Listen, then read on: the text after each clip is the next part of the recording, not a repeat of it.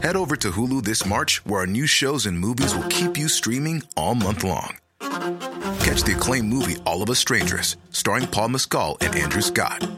Stream the new Hulu original limited series We Were the Lucky Ones with Joey King and Logan Lerman. And don't forget about Grey's Anatomy. Every Grey's episode ever is now streaming on Hulu. So, what are you waiting for? Go stream something new on Hulu. Hey, I'm Ryan Reynolds. At Mint Mobile, we like to do the opposite of what Big Wireless does. They charge you a lot, we charge you a little. So naturally, when they announced they'd be raising their prices due to inflation, we decided to deflate our prices due to not hating you. That's right. We're cutting the price of Mint Unlimited from $30 a month to just $15 a month. Give it a try at mintmobile.com slash switch. $45 upfront for three months plus taxes and fees. Promo for new customers for limited time. Unlimited more than 40 gigabytes per month. Slows. Full terms at mintmobile.com. Du presenteras nu för obekräftad information.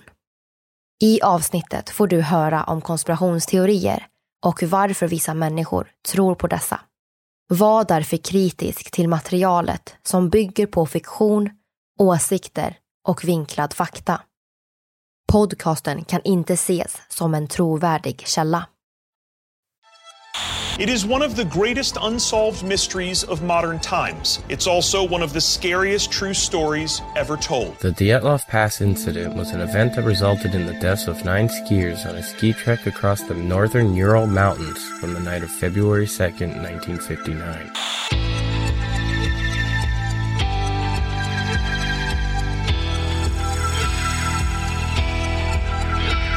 Du lyssnar på konspirationsteorier. En podcast med mig Vivi. och mig, Aida. Och det här är en annan sida av historien om den mystiska olyckan vid Jatlovpasset.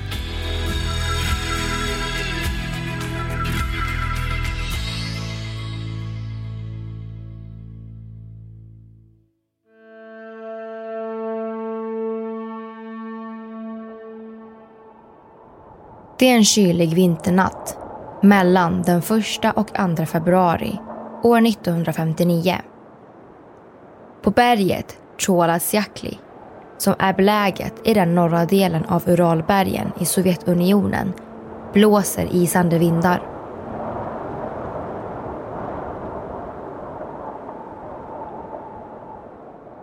I luften är det omkring 15 minusgrader.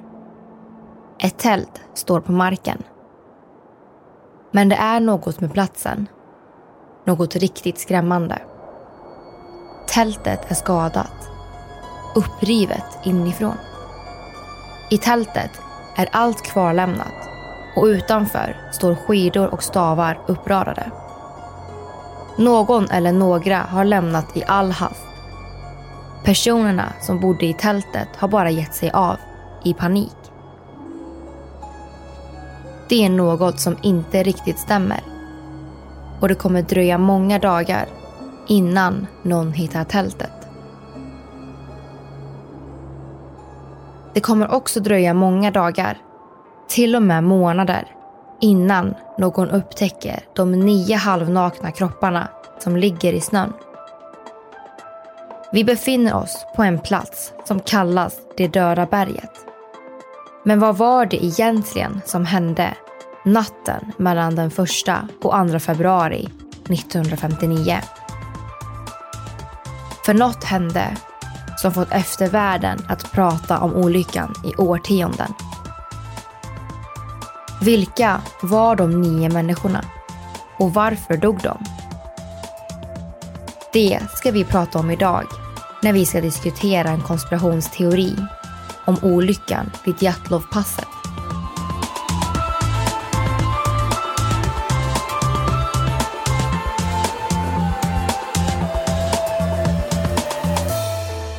Det här är en podcast för dig som är intresserad av en annan version av verkligheten. En version som tar upp alternativa teorier, mystiska sammanträffanden och diskussioner om vad som kan vara sant.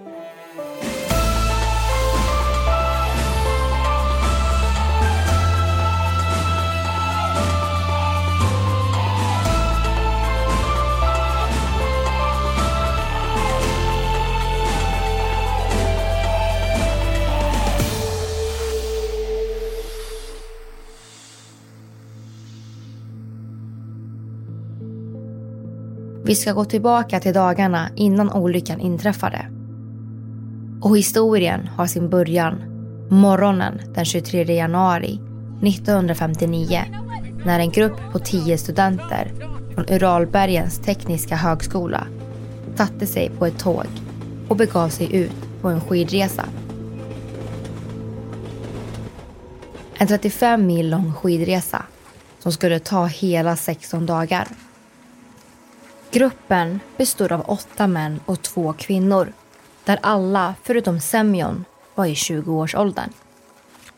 Semyon, eller Sasha som han också kallades, skulle fylla 38 år under resan. En riktig fröjd. Alla kände varandra och var goda vänner. Det var den 23-åriga Igor Djatlov som skulle leda expeditionen.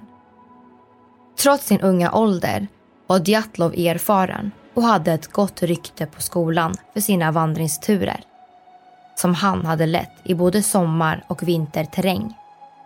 Han visste vad som skulle vänta på han själv och vännerna.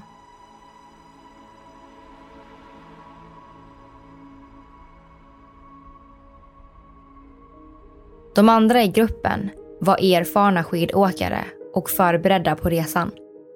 Tanken var att vännerna skulle komma tillbaka lagom till nästa terminstart i februari. Det skulle vara tuff terräng på resan men de hade alla varit med om liknande äventyr. Det fanns ett system för vandringscertifikat i Sovjetunionen och tanken var nu att de skulle ta sig upp en nivå. Från grad 2 till grad 3. Det högsta certifikatet som gick att ta. Alla var riktigt spända och taggade. Efter denna tuffa expedition skulle de äntligen få sista certifieringen. År 1959 var ruttar av klass 3 de svåraste man kunde göra. Det krävdes enormt med mod och styrka att klara av de iskalla dagarna och nätterna på bergen. Men det skulle gruppen aldrig göra. Målet var att runda det rätt så avlägsna berget Otorten som ligger i slutet av ett pass. Ett pass som idag är namngett efter ledaren Igor Djatlov. Ironiskt nog betyder bergets namn Gå inte dit på voguliska mansispråket.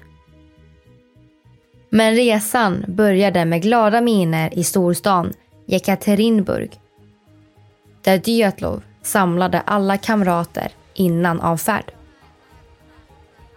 Längtan och glädje osade i luften. Snart skulle de ge sig av på livets skivexpedition till vackra Uralbergen. En tur till naturen gjorde alltid gott för själen. Speciellt med vänner som delade samma fantastiska intresse att åka skidor och övernatta i tält ute i det fria.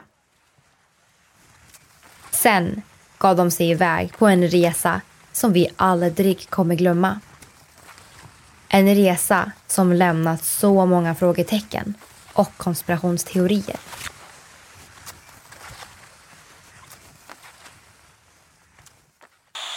The group's diaries show they had a sense of humor.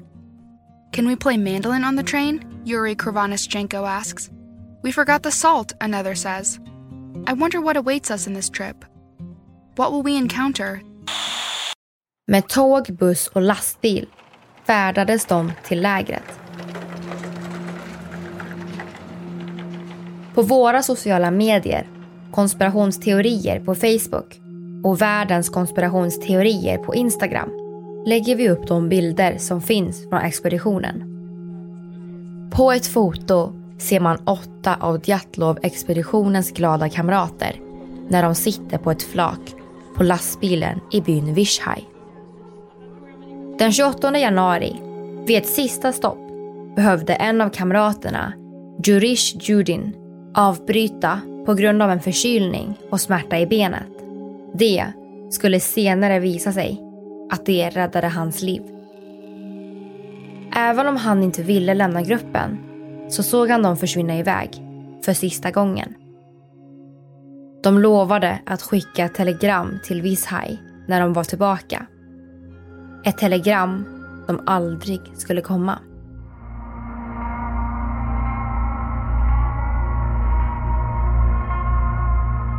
Någon gång i sista byn uppfattade en av kamraterna att byborna försökte varna gruppens ledare Igor Djatlov.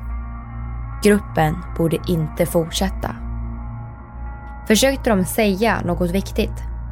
Expeditionen pågick i fyra dagar över frusna sjöar och vildmark. Gruppen hade med sig tre kameror och en resedagbok där de förde anteckningar om resan. Därför blev det många bilder på kamraterna när de åkte skidor genom det snöfyllda landskapet eller när de glatt poserade framför kameran.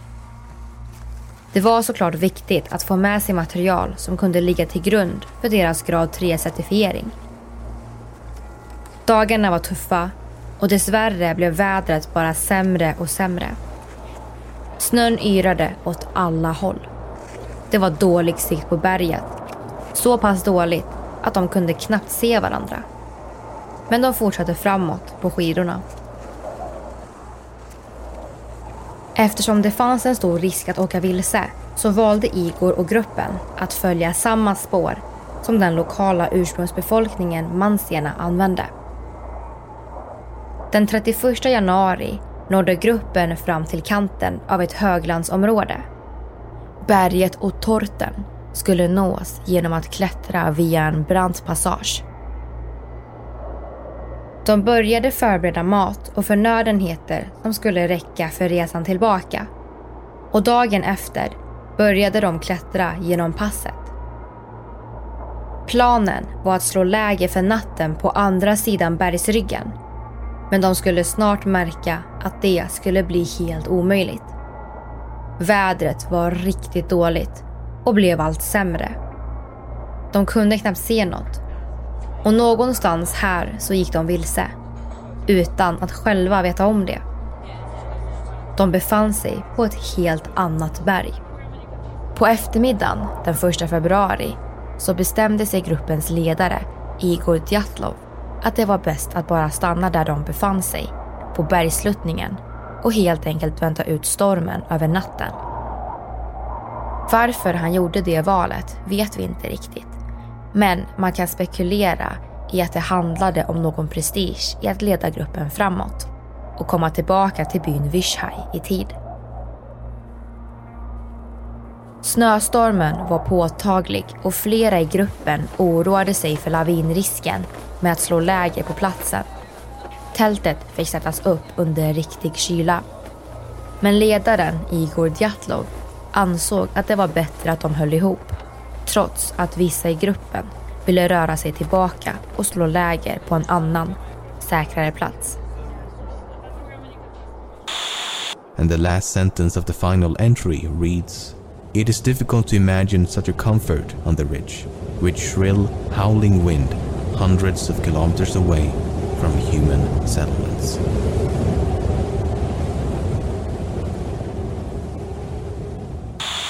Nu befann de sig på berget Kola Tjaklul, bergsluttningen framför Otorten och det började bli mörkt.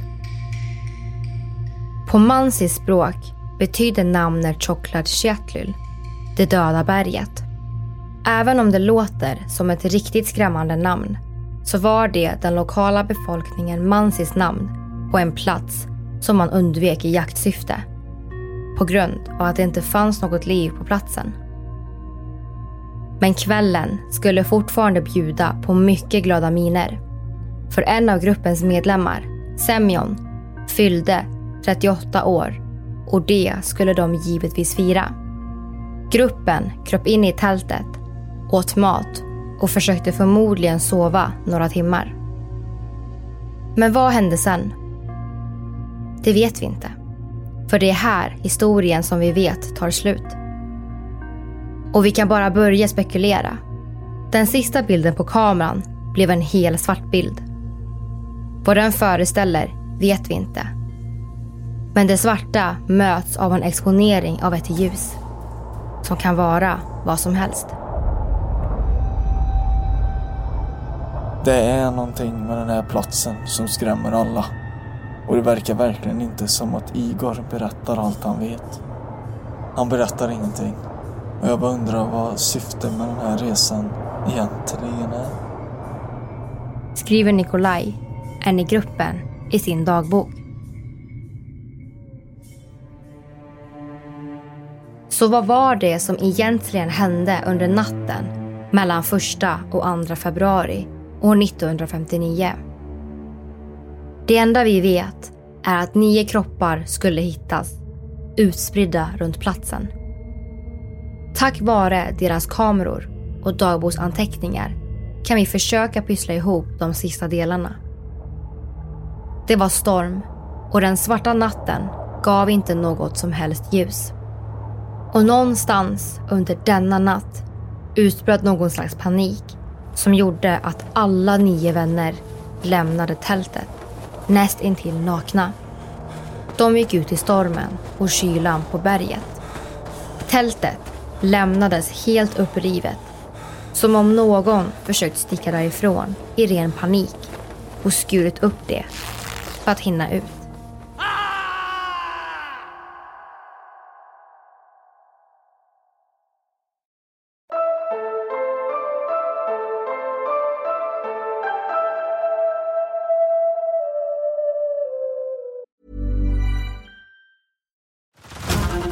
To Hulu this March, where our new shows and movies will keep you streaming all month long. Catch the acclaimed movie All of Us Strangers, starring Paul Mescal and Andrew Scott.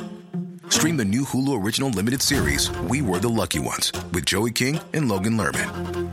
And don't forget about Grey's Anatomy. Every Grey's episode ever is now streaming on Hulu. So, what are you waiting for? Go stream something new on Hulu. Say hello to a new era of mental health care. Cerebral is here to help you achieve your mental wellness goals with professional therapy and medication management support. 100% online. You'll experience the all new Cerebral Way, an innovative approach to mental wellness designed around you. You'll get a personalized treatment plan from a therapist, prescriber, or both in a safe and judgment free space. Your cerebral therapist or prescriber will outline a customized plan with clear milestones along the way so you can get to feeling your best. With Cerebral, you're not alone in your mental health journey. We're here to empower you to live a fulfilling life. So take that first step towards a brighter future and sign up today at cerebral.com slash podcast and use code ACasts to get 15% off your first month. Offer only valid on monthly plans. Other exclusions may apply. Offer ends July 31st, 2024. See site for details.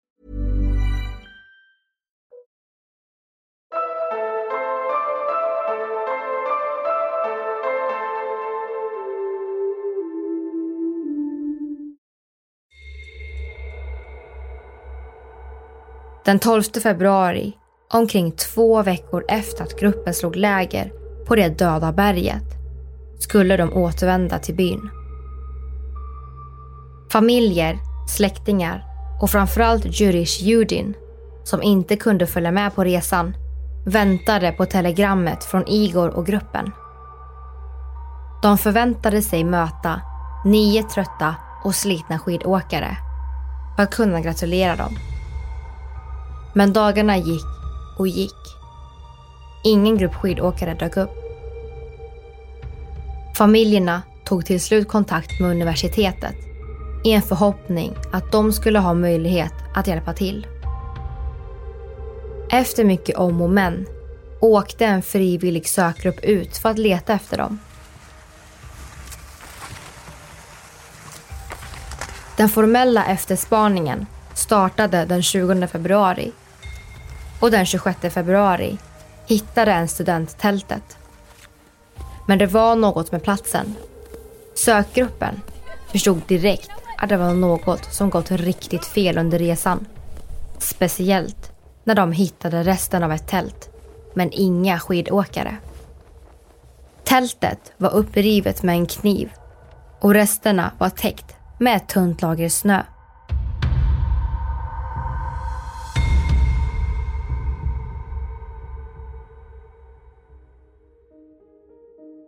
Utredningen i sig är också ganska mystisk. Och det är svårt att veta exakt vad som hände.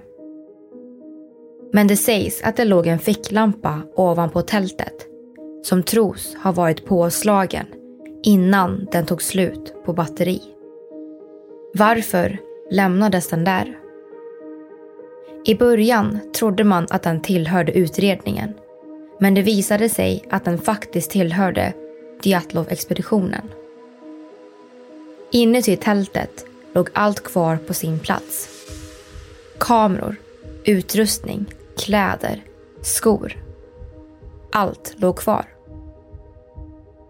Av anteckningarna och filmrullarna från kamerorna kan man säkert veta att gruppen av någon anledning avvek från rutten och fastnade i snöstormen. Utanför tältet kunde sökgruppen följa åtta eller nio fotsteg som ledde iväg från tältet. Fotstegen var dock bara formade efter personer som bar en sko, sockor eller gick barfota. Men efter 500 meter försvann stegen under lagret av snö. Inne i skogen hittades de två första kropparna, Juri och Juri. Utan skor och iklädda bara underkläder. Bredvid dem hittades ett tappert försök till att göra upp en eldstad och några avbrutna grenar på marken skvallrade om att någon försökt klättra upp i trädet intill. Trädet ska även ha haft spår av kroppsvävnad från någon av dem. Varför de försökte ta sig upp i trädet vet vi inte. Men det är konstigt. På marken fanns gott om grenar att göra upp eld med. Försökte de klättra upp i trädet för att spana mot tältet. Såg de något? Det var mörkt, men om ficklampan låg påslagen borta vid tältet kanske de faktiskt gjorde det. Eller försökte de ta sig upp i trädet i ett försök att fly från något.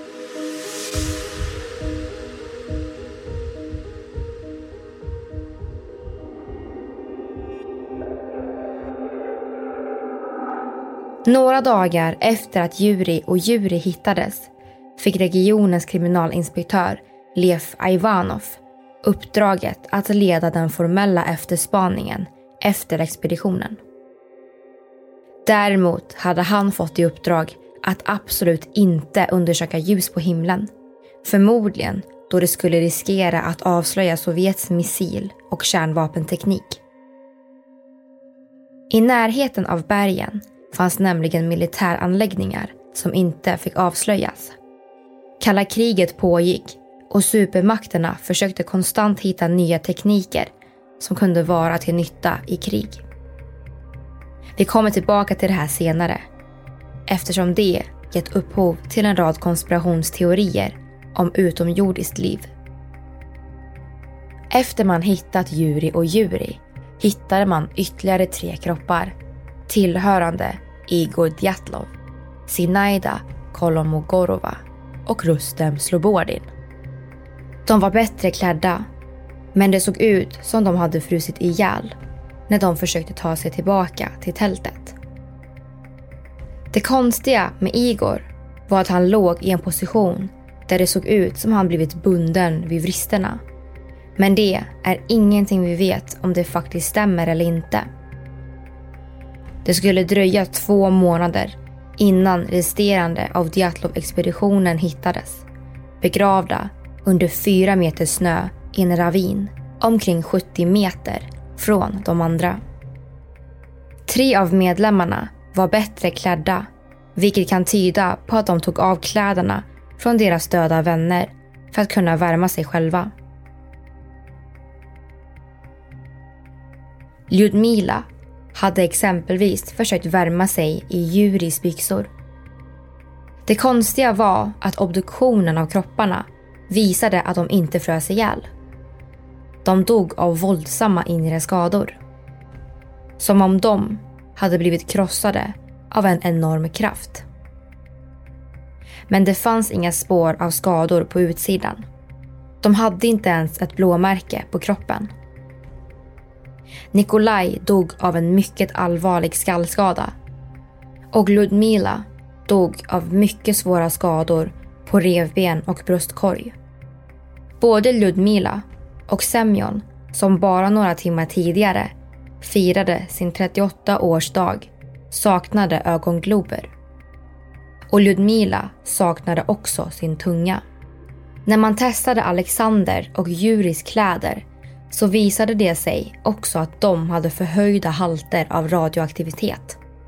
En sak som var klar för utredarna från början var att det inte fanns några spår efter andra människor på berget. De enda som fanns där var ungdomarna från Djatlov-expeditionen. Kriminalinspektören blev fundersam och han kunde inte komma på någon bra anledning till varför det här kunde hända. Och då eldades konspirationsteorierna på. För han sa helt enkelt att deras död berodde på en framtvingad naturkraft. Sen hemligstämplade de materialet och förbjöd skidåkning i området under hela tre år. Konspirationsteorin var ett faktum. Olyckan vid Djatlovpasset verkar inte kunna lösas genom några vettiga förklaringar. Vilket leder oss in på teorierna. Vad hände under natten mellan 1 och 2 februari 1959?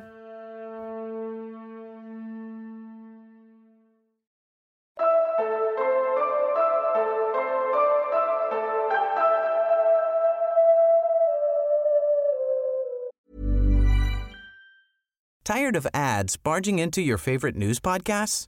Good news. Ad-free listening is available on Amazon Music for all the music plus top podcasts included with your Prime membership. Stay up to date on everything newsworthy by downloading the Amazon Music app for free or go to amazon.com slash news ad free. That's amazon.com slash news ad free to catch up on the latest episodes without the ads.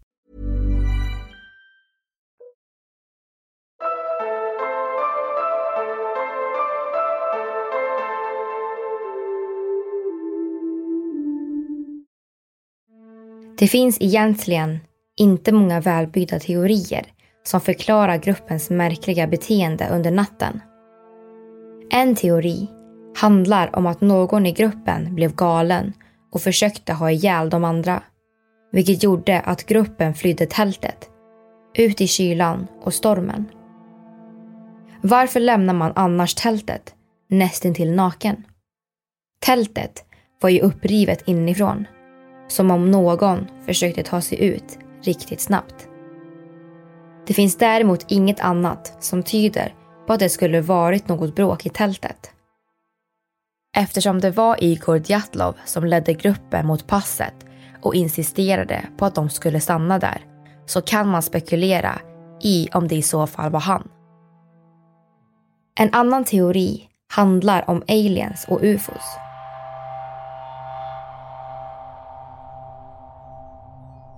Flera vittnen runt om platsen hade berättat om lysande fenomen i luften. Bara ett år tidigare hade Sputnik 1 skickats ut i rymden och alla förde alltid blickarna uppåt. Vad gömde sig i rymden? Kriminalinspektören visste inte vad han skulle tro om ungdomarnas död. Utifrån högre order skulle han inte undersöka ljussken vidare. Men han blev till slut övertygad. De nio vännerna dog av ett utomjordiskt angrepp. Om man inte tror på utomjordingar kan det istället vara så att Dietlov-expeditionen såg något som de inte borde sett. Vi vet att det fanns militära aktiviteter i området och att Sovjetunionen hade några militäranläggningar i närheten. Försökte de fly från militären blev de rädda och sprang ut i snön av den anledningen. Kanske, kanske inte.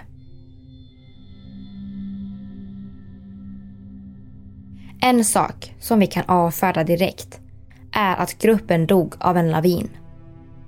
Platsen de befann sig på var inte tillräckligt brant. Tältet fanns kvar, men bara ett litet lager snö ovanpå. Även deras skidor och stavar stod kvar, helt upprätt. Men det kanske var så att de blev skrämda och trodde att de hörde något som liknade en lavin. I så fall kanske de bara lämnade tältet och sprang ut i den iskalla natten Och när de sprang ut ur tältet kanske några av dem ramlade ner för en ravin och fick sina inre skador på det sättet. Det är en teori som fått lite genomslag. Men varför syntes inte några yttre skador på kropparna? Och varför befann sig gruppen så pass utspridda runt platsen? Mysteriet vid Diatlovpasset är långt ifrån en lösning. Finns svaret på gåtan på det döda berget? Eller tog ungdomarna med sig svaret i graven? Några sista teorier kring vad som kan ha hänt får ni höra snart.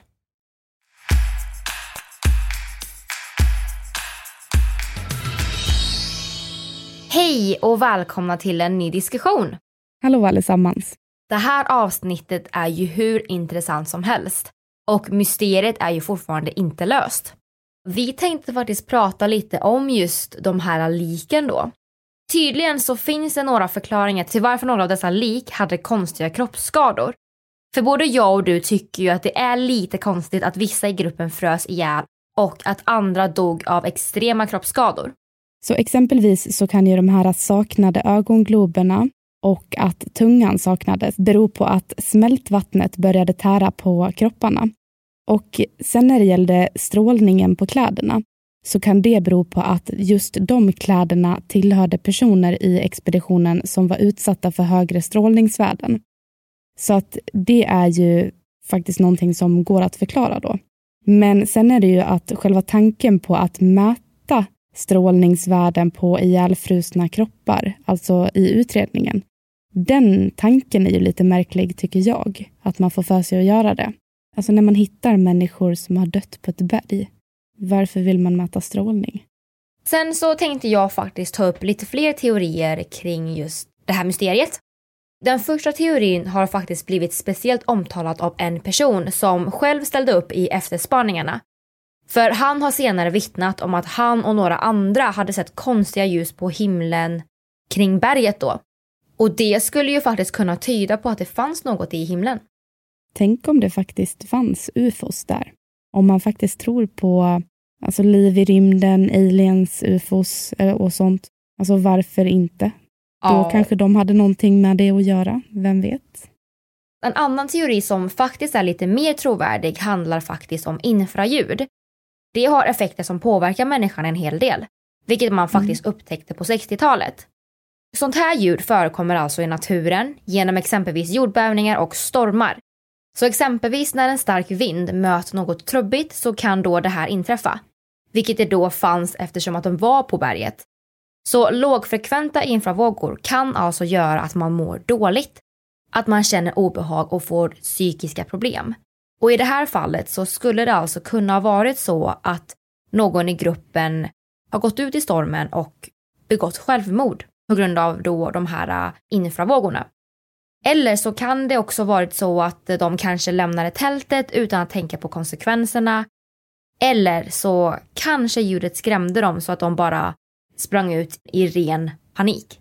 Det här skulle ju kunna ligga som en förklaring till varför de bara lämnade tältet i bara underkläder. Och sen, jag menar, om man blir lite förvirrad så det är klart att om alla var rädda så kanske de splittrades åt olika håll för att de försökte fly. Några sprang in i skogen, några gick iväg, hittade inte tillbaka, ramlade ner i en ravin kanske. Nej, gud, att de var liksom förvirrade. Men jag vet inte riktigt vad jag ska tro på när det kommer till det här mysteriet. Alltså jag tror kanske att eh, de började frysa eller att de kanske blev rädda eller någonting. Så att de började gå ut och trodde liksom att det var varmt, att det var varmare.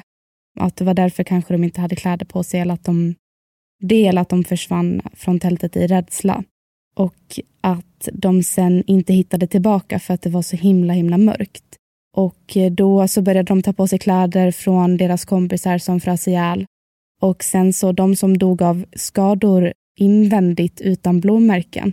Jag vet inte om det kan ha varit att de förvarades på något sätt i snön så att det inte blev något skada. Jag vet inte. Men jag tänkte på det när du sa att eh, de försökte hitta tillbaka. Det skulle ju faktiskt kunna förklara det här med att en av medlemmarna då i den här expeditionen faktiskt försökte klättra upp på ett träd för att kanske Mm. hitta det här tältet då för att de hade ju en ficklampa på. Det skulle kunna förklara det. Och eh, de andra hittades ju faktiskt i riktning mot tältet. Så att de frös kanske till, alltså ihjäl då när de hade varit iväg någonstans och sen försökt vända tillbaka så att de ville kanske hitta hem. Precis. Det går ju väldigt fort när man väl är ute där att ja, men din kroppstemperatur blir väldigt, väldigt kall efter ett tag. Ja, eller så kanske de vände tillbaka, de som hittades mot tältet, för att faran var över. Men de säger ju också att när man fryser ihjäl, att den sista stunden i ditt liv, innan du liksom somnar in, då känner du dig jättevarm. Så då klär man av sig. Jag tänker så här, i och med att man hittar dem i underkläder, om det var något sånt. Ja, jag tänker också, för att några som var i, ehm, och nu vet jag, vet jag inte om jag minns rätt här, men de som hittades i den här ravinen eller liksom under snön, de hade typ kläder på sig från de som var i skogen. Så att jag vet inte om de tog av sig kläderna i tältet eller om de gick runt och yrade runt, runt platsen och eller att de andra kom och hämtade kläderna vid trädet. Alltså jag har ingen aning. Jag vet inte riktigt hur det går ihop. Tror ni på någon av de här teorierna, då måste ni i alla fall skriva till oss. Vi lägger ut en fråga i konspirationsteorier eftersnack, så får ni som vill fortsätta diskutera. Annars så kan man följa oss på Instagram där vi heter konspirationsteorier. Och så får ni jättegärna skriva vad ni tror kan ha hänt med dessa ungdomar. Och nästa veckas avsnitt kommer att handla om Mandela-effekten. Det får ni absolut inte missa. Ta hand om er allihopa så hörs vi nästa vecka. Ha det så gott! Hej då! Hej hej!